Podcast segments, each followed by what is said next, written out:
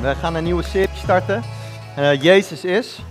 nou, fantastisch. Een paar jaar geleden hebben we het ook gedaan. Een van de preken die ik onthouden heb. Jezus is goed in judo. Wie, uh, wie was daarbij? Eventjes uh, leuk. Aantal waren erbij, aantal niet. Nou, fantastische preek. Waar waren jullie, joh? Nee, maar leuk dat jullie er nu zijn. Jezus is. Vandaag willen we kijken naar Jezus is onderzoekend naar ons geloof en ook grensdoorbrekend. Ik heb ze alle twee, ik kon niet kiezen. En ik wil uh, beginnen met de eerste sheet. Nog eentje verder. Ja. En um, nou, Jezus, we weten het, hebben het net uh, herdacht hè, met kerst. Geboren Bethlehem, dan naar Egypte, Nazareth opgegroeid. Uiteindelijk verlaat hij Nazareth en komt hij in Capernaum. Dat is een stadje, daar zo rode stipje bij de uh, zee van Galilea. En daar gebeuren heel veel wonderen en tekenen tekenen van zijn koningschap. Maar het is bijzonder, omdat Jezaja had in Jezaja 8 en 9, wij hebben die hoofdstuk een beetje erbij bedacht, al gezegd van, jongens, in het gebied, in de toekomst zal in het gebied van Zebulon en Naphtali, zal voor de mensen die in duisternis wonen, een groot licht gaan schijnen. Dat gaat gebeuren. En als Jezus op zijn dertigste jaar zijn bediening eigenlijk start in Capernaum, dat was zijn homebase van zijn ministry, dan is dat niet voor niks. En een van de verhalen die we gaan luisteren, doen we samen met de kinderen. We hebben niet geoefend, dus ik vind het zelf ook een beetje spannend. Maar laten we eerst de kinderen alvast een fantastisch applaus geven.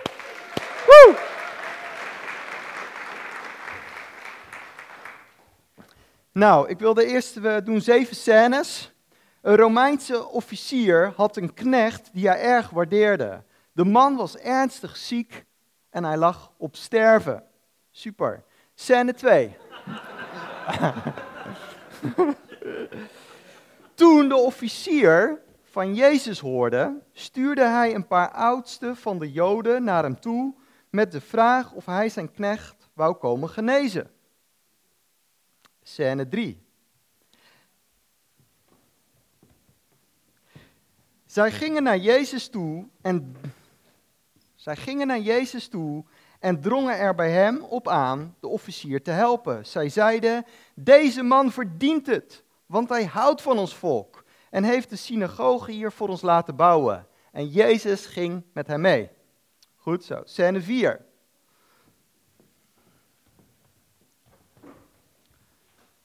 Toen hij niet ver van het huis was, stuurde de officier vrienden met de volgende boodschap. Scène 5. Heer, doe geen moeite wie ben ik dat u in mijn huis zou komen? Zo wilde ik ook zelf niet naar u toe komen. U hoeft maar één woord te zeggen en mijn knecht is beter. Want ik ben zelf iemand die onder gezag van anderen staat en weer andere soldaten onder mij. En als ik tegen de een zeg ga, dan gaat hij. Tegen de ander zeg kom, dan komt hij. En tegen mijn knecht doe dit, dan doet hij dat. Scène 6. Toen Jezus dit hoorde, verbaasde hij zich over die man. Hij draaide zich om en zei tegen de mensen: Zo'n groot geloof heb ik in heel Israël nog niet tegengekomen. Scène 7.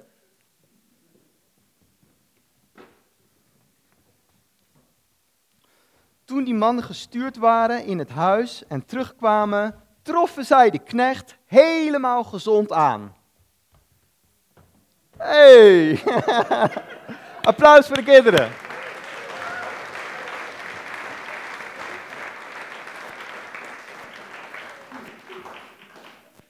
Nou, deze Romeinse man, bekend verhaal hè, was een man met een, eh, met een hoge positie en hij dacht ook in hiërarchie. Dat zie je ook in het verhaal, dat hij zei van, joh, ik heb iemand boven mij en ik heb ook mensen onder mij. En als die persoon boven mij zegt, doe dit, dan moet ik dat doen. Ik moet gewoon luisteren. Dat was de Romeinse structuur en cultuur. Nou, als Nederlanders hebben we natuurlijk al een nationaal autoriteitsprobleem. Ik wel vaak. En dat vinden we lastig, onderwerping en gezag en autoriteitsfiguren. En hij zegt ook van, als er mensen onder mij staan en ik zeg tegen die, tegen die persoon, doe dit, doe dat, dan gebeurt dat. Dat was zijn denken.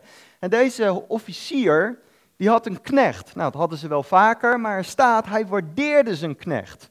En die knecht was ziek. Matthäus 8, staat het verhaal ook, Lucas 7, Matthäus 8. En uh, daar staat, hij had hevige pijn, die knecht. Hij was verlamd en hij was aan het sterven.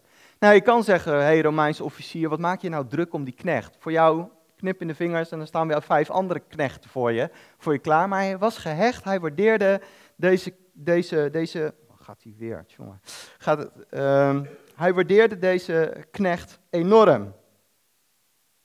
En ehm, wat zo apart is, dat hij dus um, naar die Romeinse, naar die Joodse oudste gaat en hij zegt tegen die Joodse oudste van, joh, ik heb van Jezus gehoord. Iemand had hem verteld over Jezus. Nou, ik weet niet wie dat gedaan heeft, maar dat heeft hij goed gedaan. Want die Romeinse officier die had zoiets, die Jezus is, is, is een heilige rabbi. Die man, die kan alles. Dat is een gezagsfiguur. Dus hij zegt tegen de Joodse leiders van, willen jullie naar Jezus toe? En dat doen ze. Niet alle Joodse leiders hadden ruzie met Jezus. Dat denken we soms heel zwart-wit. Sommigen konden heel goed met hem. Ook priesters kwamen later tot geloof in hem. En de Joodse leiders die gaan naar Jezus toe en die zeggen van, joh... Uh, hij is een goede man. Hij houdt van ons volk. En hij heeft onze kerk, onze synagoge gebouwd. Nou, dat is heel raar, want zo'n Romeinse man mocht niet eens in die kerk komen.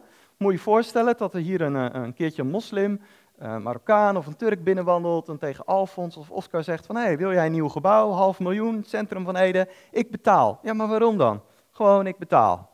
Dat, dat, en wil je dan zelf ook naar die kerk komen? Nee, dat niet, maar ik betaal het. Misschien zat er wat achter van een beetje rust en vrede en gunst van het volk, maar hij investeerde toch maar. En dus hij was eigenlijk als een soort Duitser in de Tweede Wereldoorlog onder de Joden, maar hij had een klik. Hij, hij staat, hij is het waard dat u dit voor hem doet. Hij is een goede man, u moet dit voor hem doen. Nou, maar op, die, op datzelfde moment zit die Romeinse officier thuis te denken van joh, Straks komt Jezus, dat is een heilige, dat is een rabbi, meester bij mijn huis. Ik heb zoveel oorlogen gedaan, bloed aan mijn handen. Dat, dan wordt hij onrein, dat wil ik niet. Weet je wat, ik stuur mijn vrienden naar hem toe om te zeggen het volgende. Dus Jezus is al op weg naar Capernaum, naar die man toe, die Romeinse man. En dan halverwege wordt hij weer tegengehouden. En dan zeggen die, die, die, die vrienden van die Romein tegen hem van Jezus, u hoeft slechts één woord te zeggen. U hoeft slechts één woord te spreken.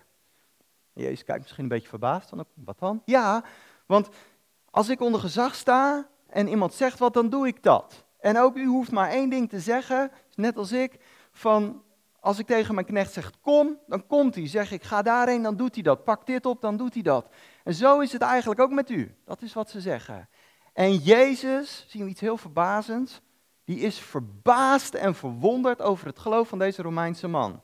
En hij draait zich om vol verbazing en zegt, zo'n groot geloof heb ik, heb, ik, nog nooit gezien. Er staat, hij is in het Engels marvel, betekent verwonderd. Dit was een wonder voor Jezus. Zo'n vertrouwen was een wonder voor Jezus. Wauw. Iemand heeft over Jezus verteld aan die Romeinse man. Of misschien heeft hij stiekem staan luisteren. Hij denkt, ik heb dat kerkgebouw betaald, mag stiekem luisteren aan de buitenkant. Want Jezus spreekt wel eens in de synagoge.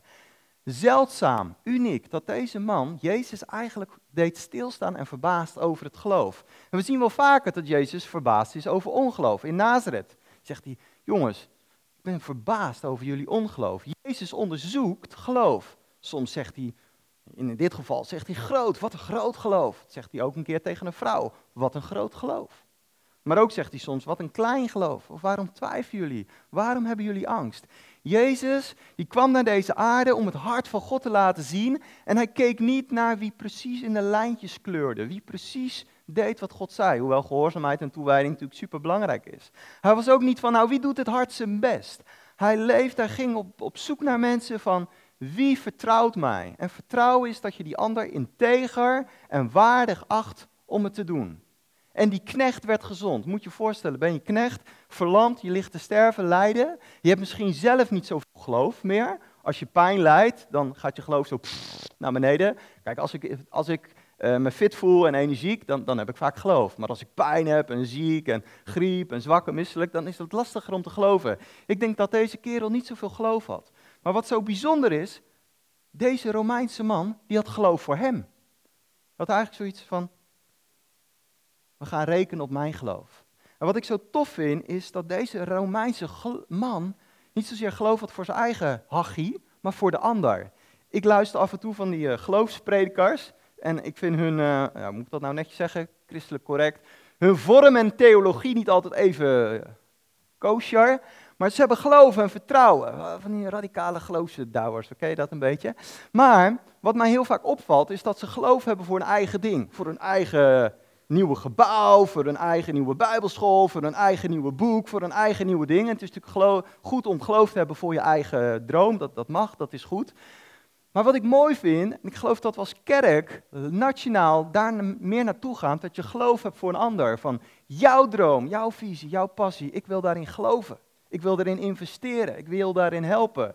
Ik wil geloof hebben voor jou, ik wil met jou geloven. We doen dit samen. We gaan samen geloven voor jou. Dat vind ik fantastisch. Even kijken hoor.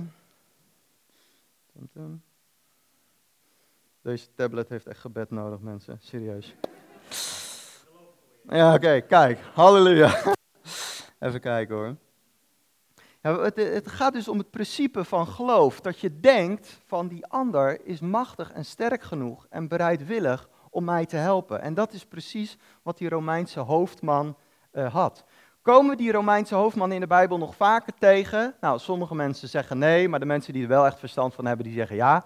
Die zeggen, in Handelingen 10 staat zo'n verhaal van de hoofdman, die heet Cornelius. Eh, misschien bekend verhaal in Joppe, met dat verhaal van Petrus en het kleed en de reine en de onreine dieren. En er wordt gezegd, iets heel moois, dat deze hoofdman, die begint te vragen aan Petrus van, hoe zit dat allemaal, Romeinse hoofdman, kan best ook iemand anders geweest zijn, maar volgens mij is het hetzelfde, Cornelius, met mijn naam vind ik leuk om dat te denken.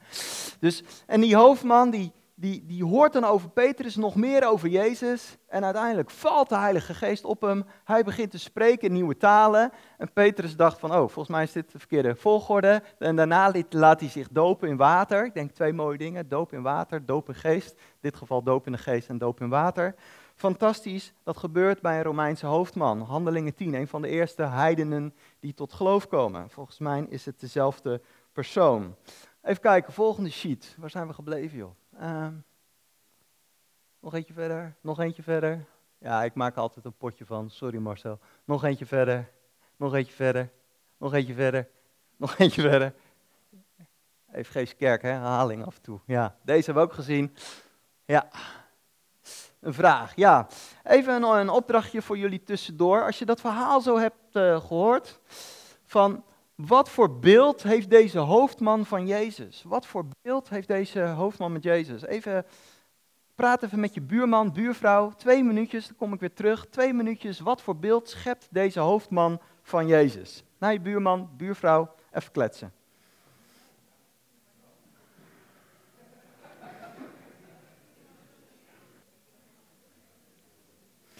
Oké, komen we weer even klassikaal zeg maar bij mij terug.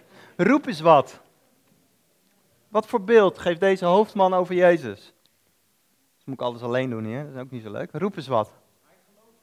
Hij geloofde. Amen. Mee eens. Andere. Autoriteit, yes. Nog andere. Jezus als leidsman. Mooi. Nog meer. Eindbaas. Hele goeie. Nog meer.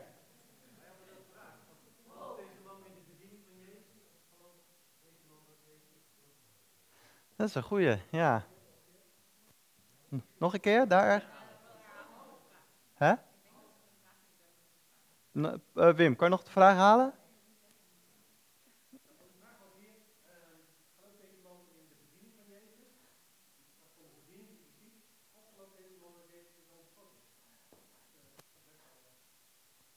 Goeie, voor in de connectgroep.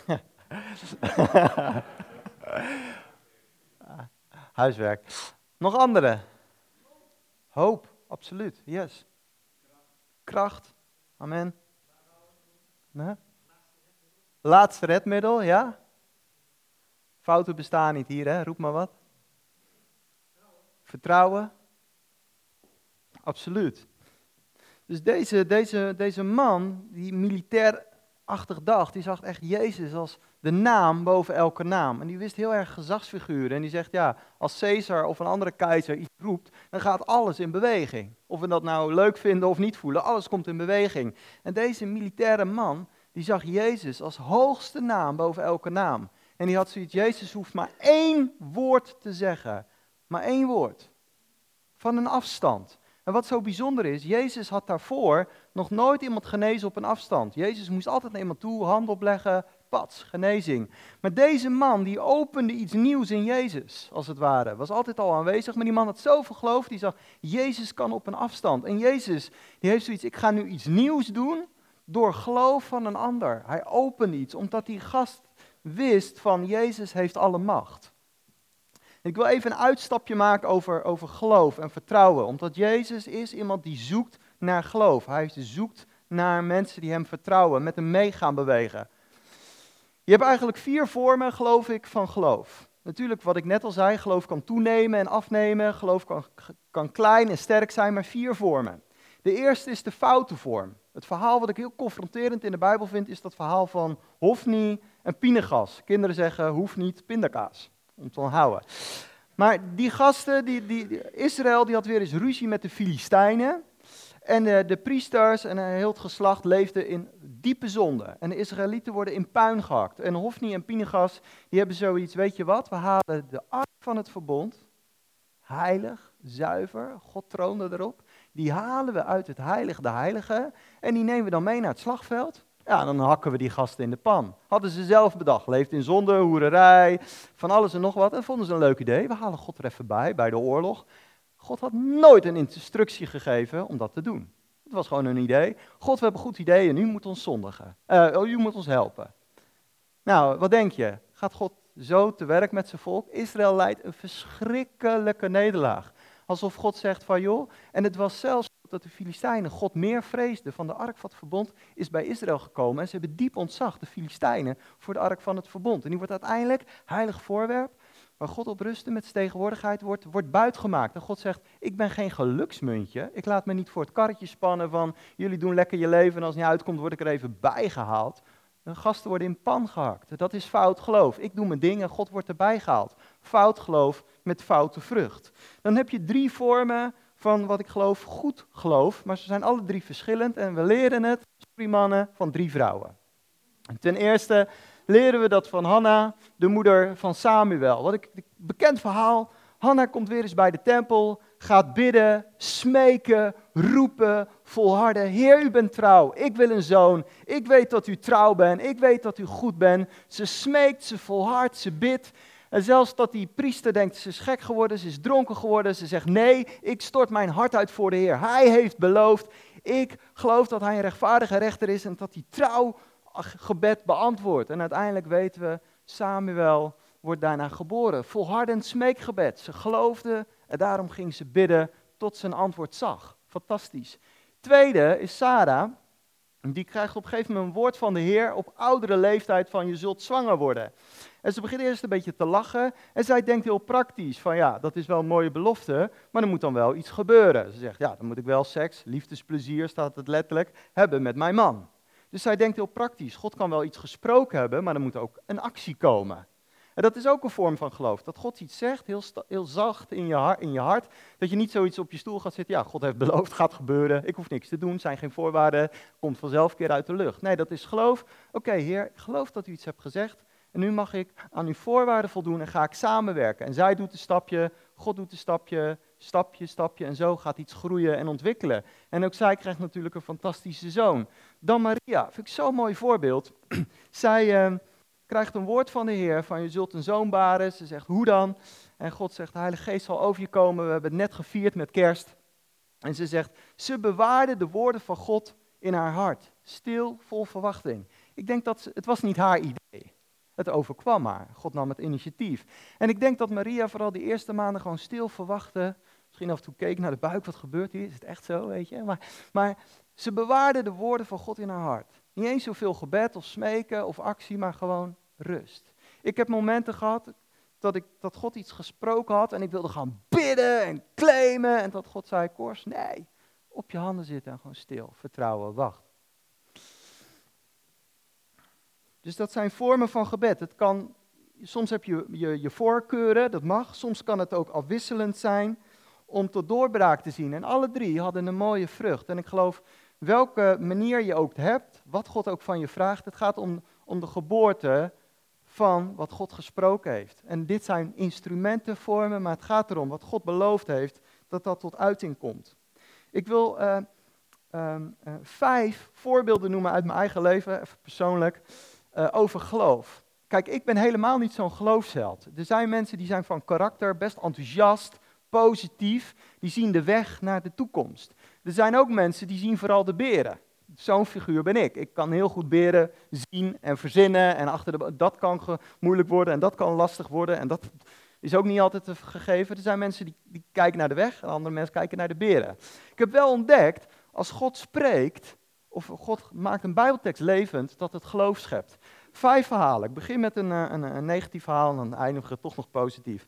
Jaren geleden, iets van 15 jaar geleden, toen was ik me heel erg aan het verdiepen in genezing. En als je weet, ziet, heb ik niet de allerbeste ogen van de wereld. En ik las een boek over genezing en dat ging heel erg over genezing van, van, van schele ogen, van loensende ogen, van slechte ogen. En ik had heel veel geloof erin. En toen legde ik dat neer, toen zei ik, heer, wat moet ik ermee? En toen las ik een ander boekje en dat ging over de liefde van God en het vaderhart van God. Heel ander thema. En waar Rempel, er ging één passage ging helemaal over genezing van ogen. Ik denk, nou, dit is apart. Dus ik zei, heer, volgens mij wilt u, wilt u er wat mee? En ik voelde geloof. Ik zeg, heer, ik wil best naar zo'n gekke genezingsdienst, wil ik best een keertje meemaken. Was ik nog nooit geweest. Ik zeg, heer, als ik daarheen moet, stuur u me maar heen. Uh, geen rijbewijs, wilt u dan zorgen dat iemand uh, lekker voor mij rijdt? Paar dagen later belt een vriend van mij, Sander Josias, belt me op. Die zat eigenlijk in de gereformeerde gemeente, maar was aan het zoeken. Die zei, joh, ik heb gehoord van een genezingsdienst. En uh, met zo'n Afrikaan, zullen we er eens heen? Dan kom ik je ophalen. Ik zeg, ja, dat is goed. Dus wij erheen, helemaal naar Zwolle, naar zo'n hal. Nou, uh, toestanden, vlaggen, shofars, keek mijn ogen uit. Gedoe, preek.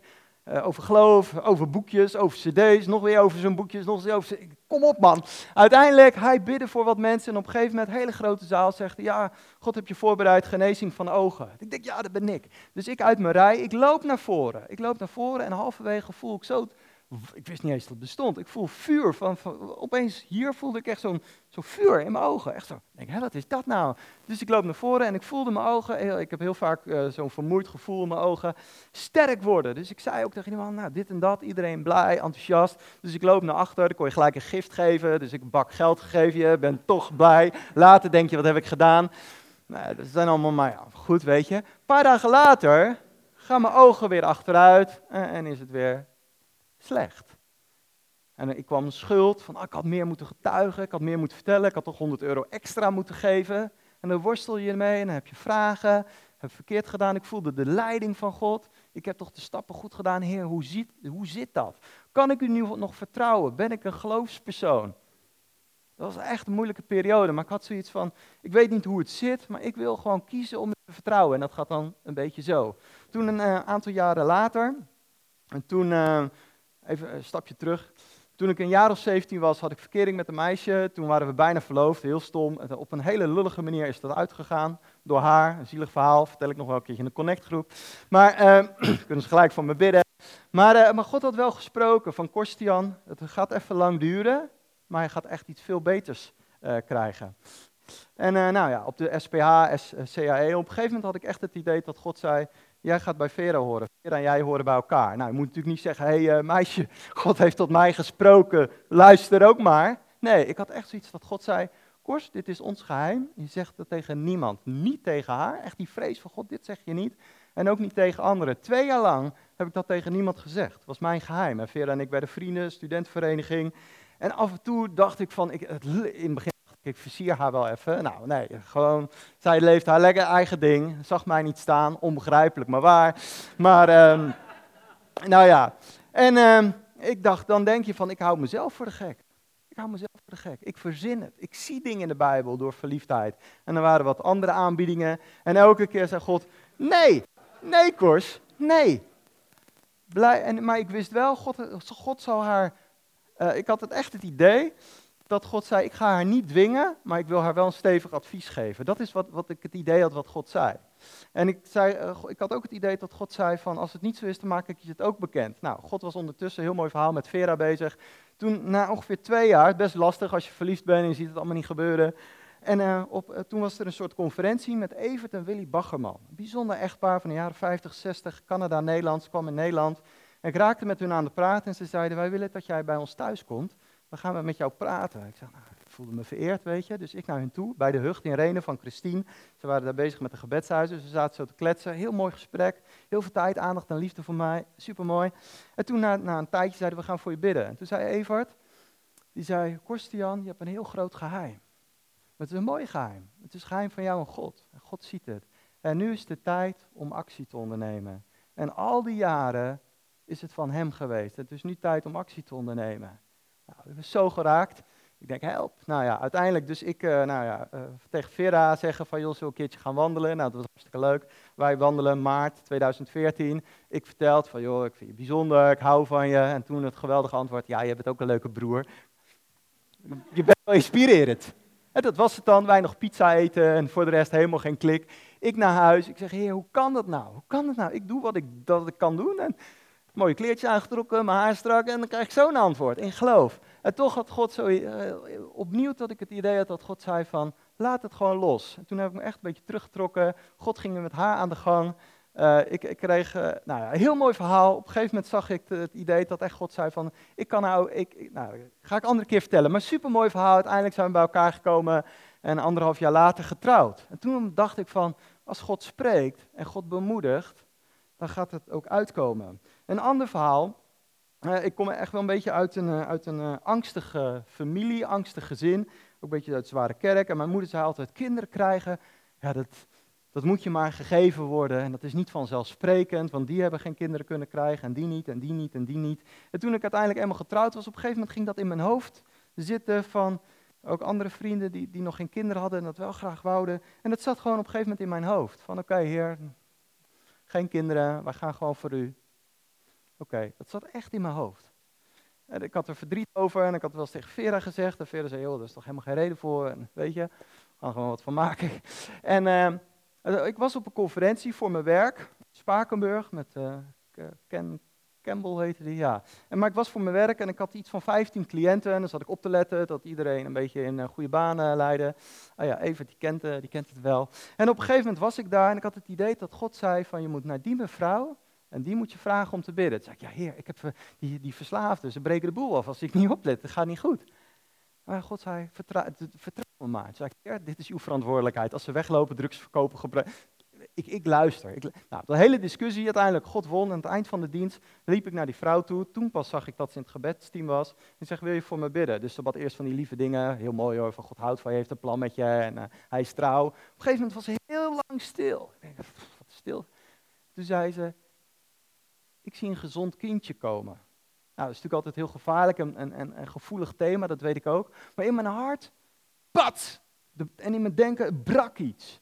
En ik kwam thuis, en ik was, ik, daarna, hoe ik thuis gekomen ben, weet ik niet meer. Ik kwam thuis en Vera keek me aan en ze zei, wat is er met jou gebeurd? Ik zei niks, wat is er met jou gebeurd? Er was geloof en een verwachting, uiteindelijk is, uh, is Mirte uh, geboren. Ook omdat ik geloof voegde. Natuurlijk gaat je logica en je redenatie, maar je voegt geloof aan wat God zegt. Van Heer, u zoekt geloof, u waardeert geloof, u zegt zonder geloof is het onmogelijk om mij welgevallig te zijn. En ik sta, stap in in dat geloof. Een ander, uh, ander verhaal. Uh, ja, nou ons huis, de meesten wisten, weten dat wel. Uh, ons huis, zo'n zes, zeven jaar geleden hadden we al zoiets van, we willen graag een nieuw huis. Ons huis is echt veel, veel te klein. En toen was het ook zo dat uh, ons huis stond heel erg onder water, 20, 30.000 euro of zo.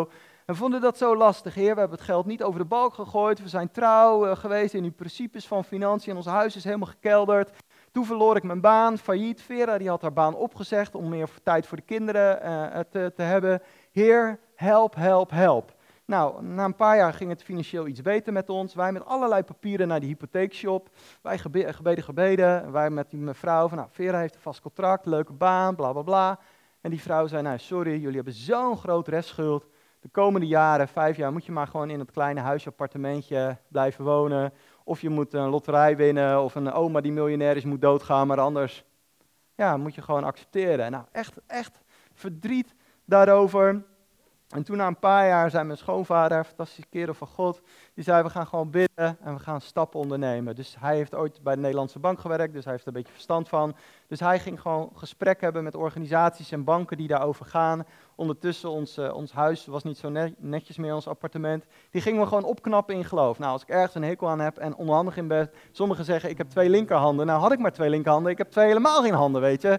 Van zelfs een lampje ophangen doet Vera bij ons thuis, omdat dat mij gewoon niet lukt, zeg maar. Echt onhandig, bid voor mij.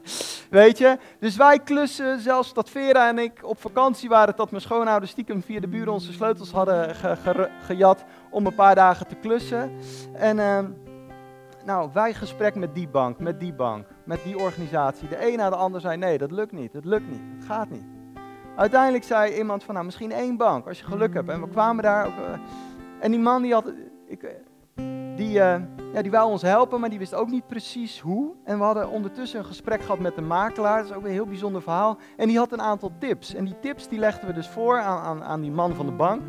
En die man van de bank zei, ja, dit heb ik nog nooit gehoord, deze tips. Dat is wel bijzonder. Ik ga ze uitpluizen voor jullie of dit kan. En die man die wou echt zijn best doen voor ons. Hij zag echt dat hij ons wou helpen. En ons verhaal, dat, weet je. Die man ging zijn best doen.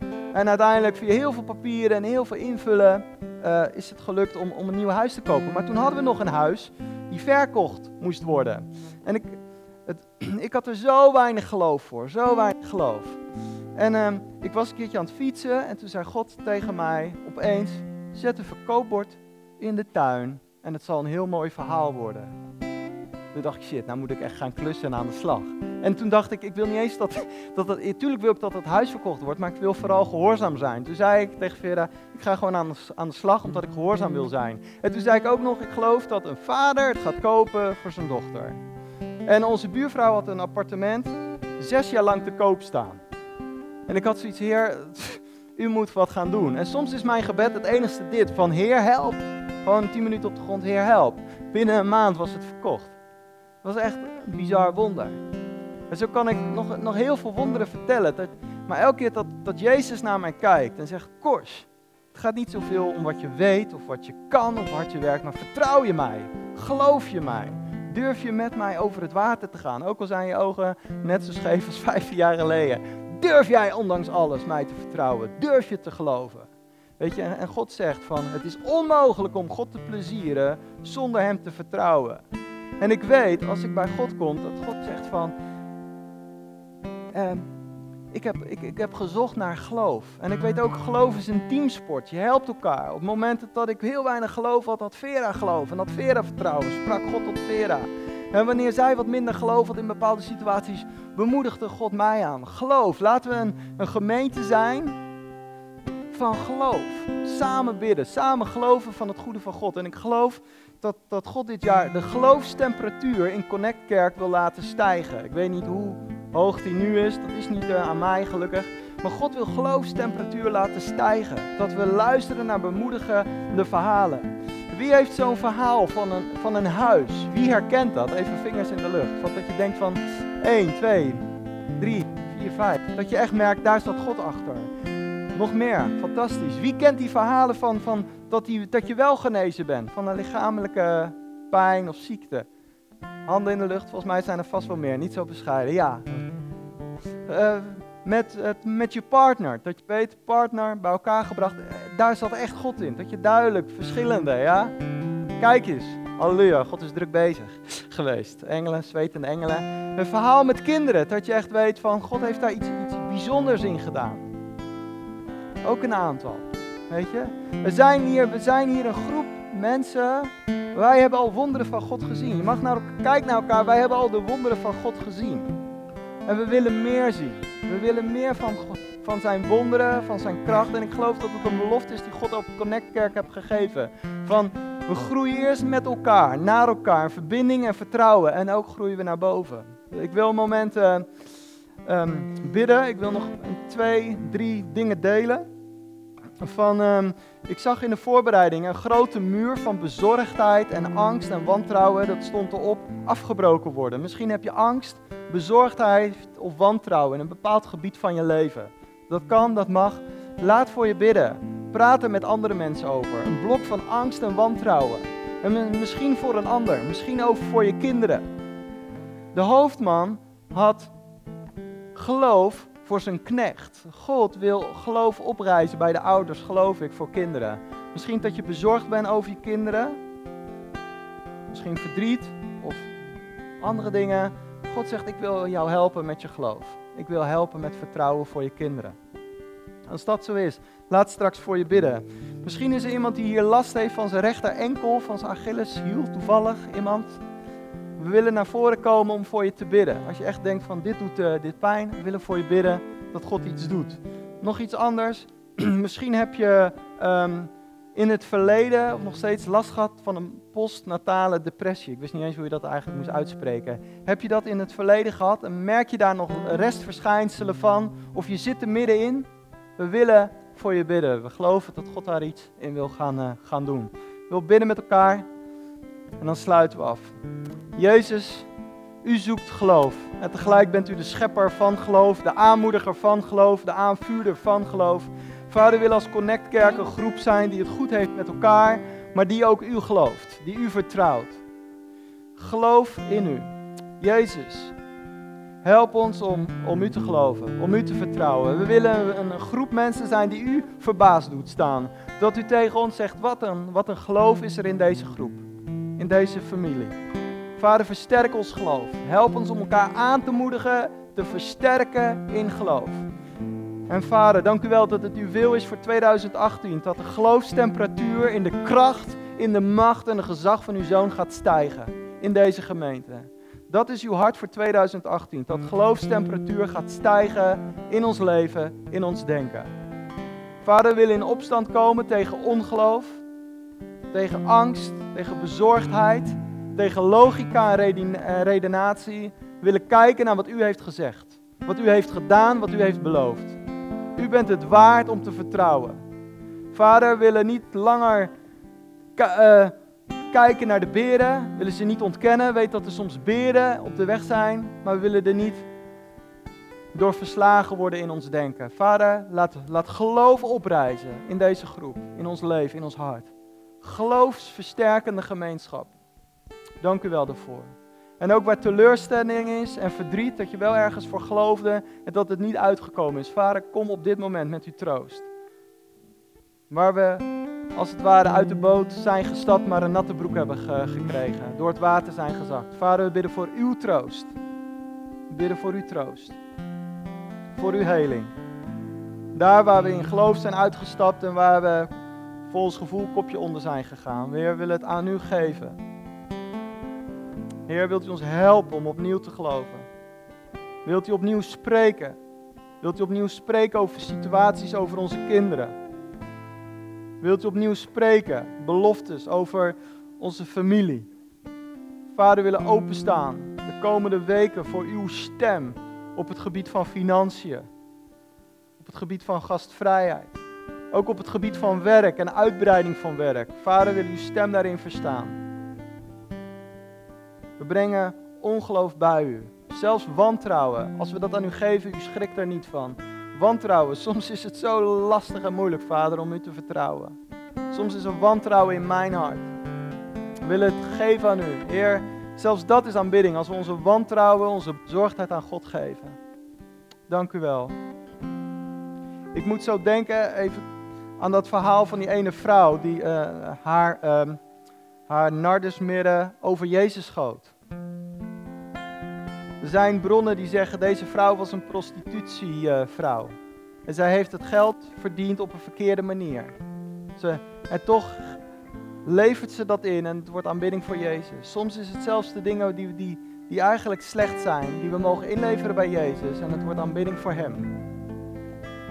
Vader, onze angst, onze bezorgdheid, ons ongeloof willen we geven aan U. We willen het loslaten bij U. In de naam van Jezus. U bent het waard. U bent het waard dat we u vertrouwen.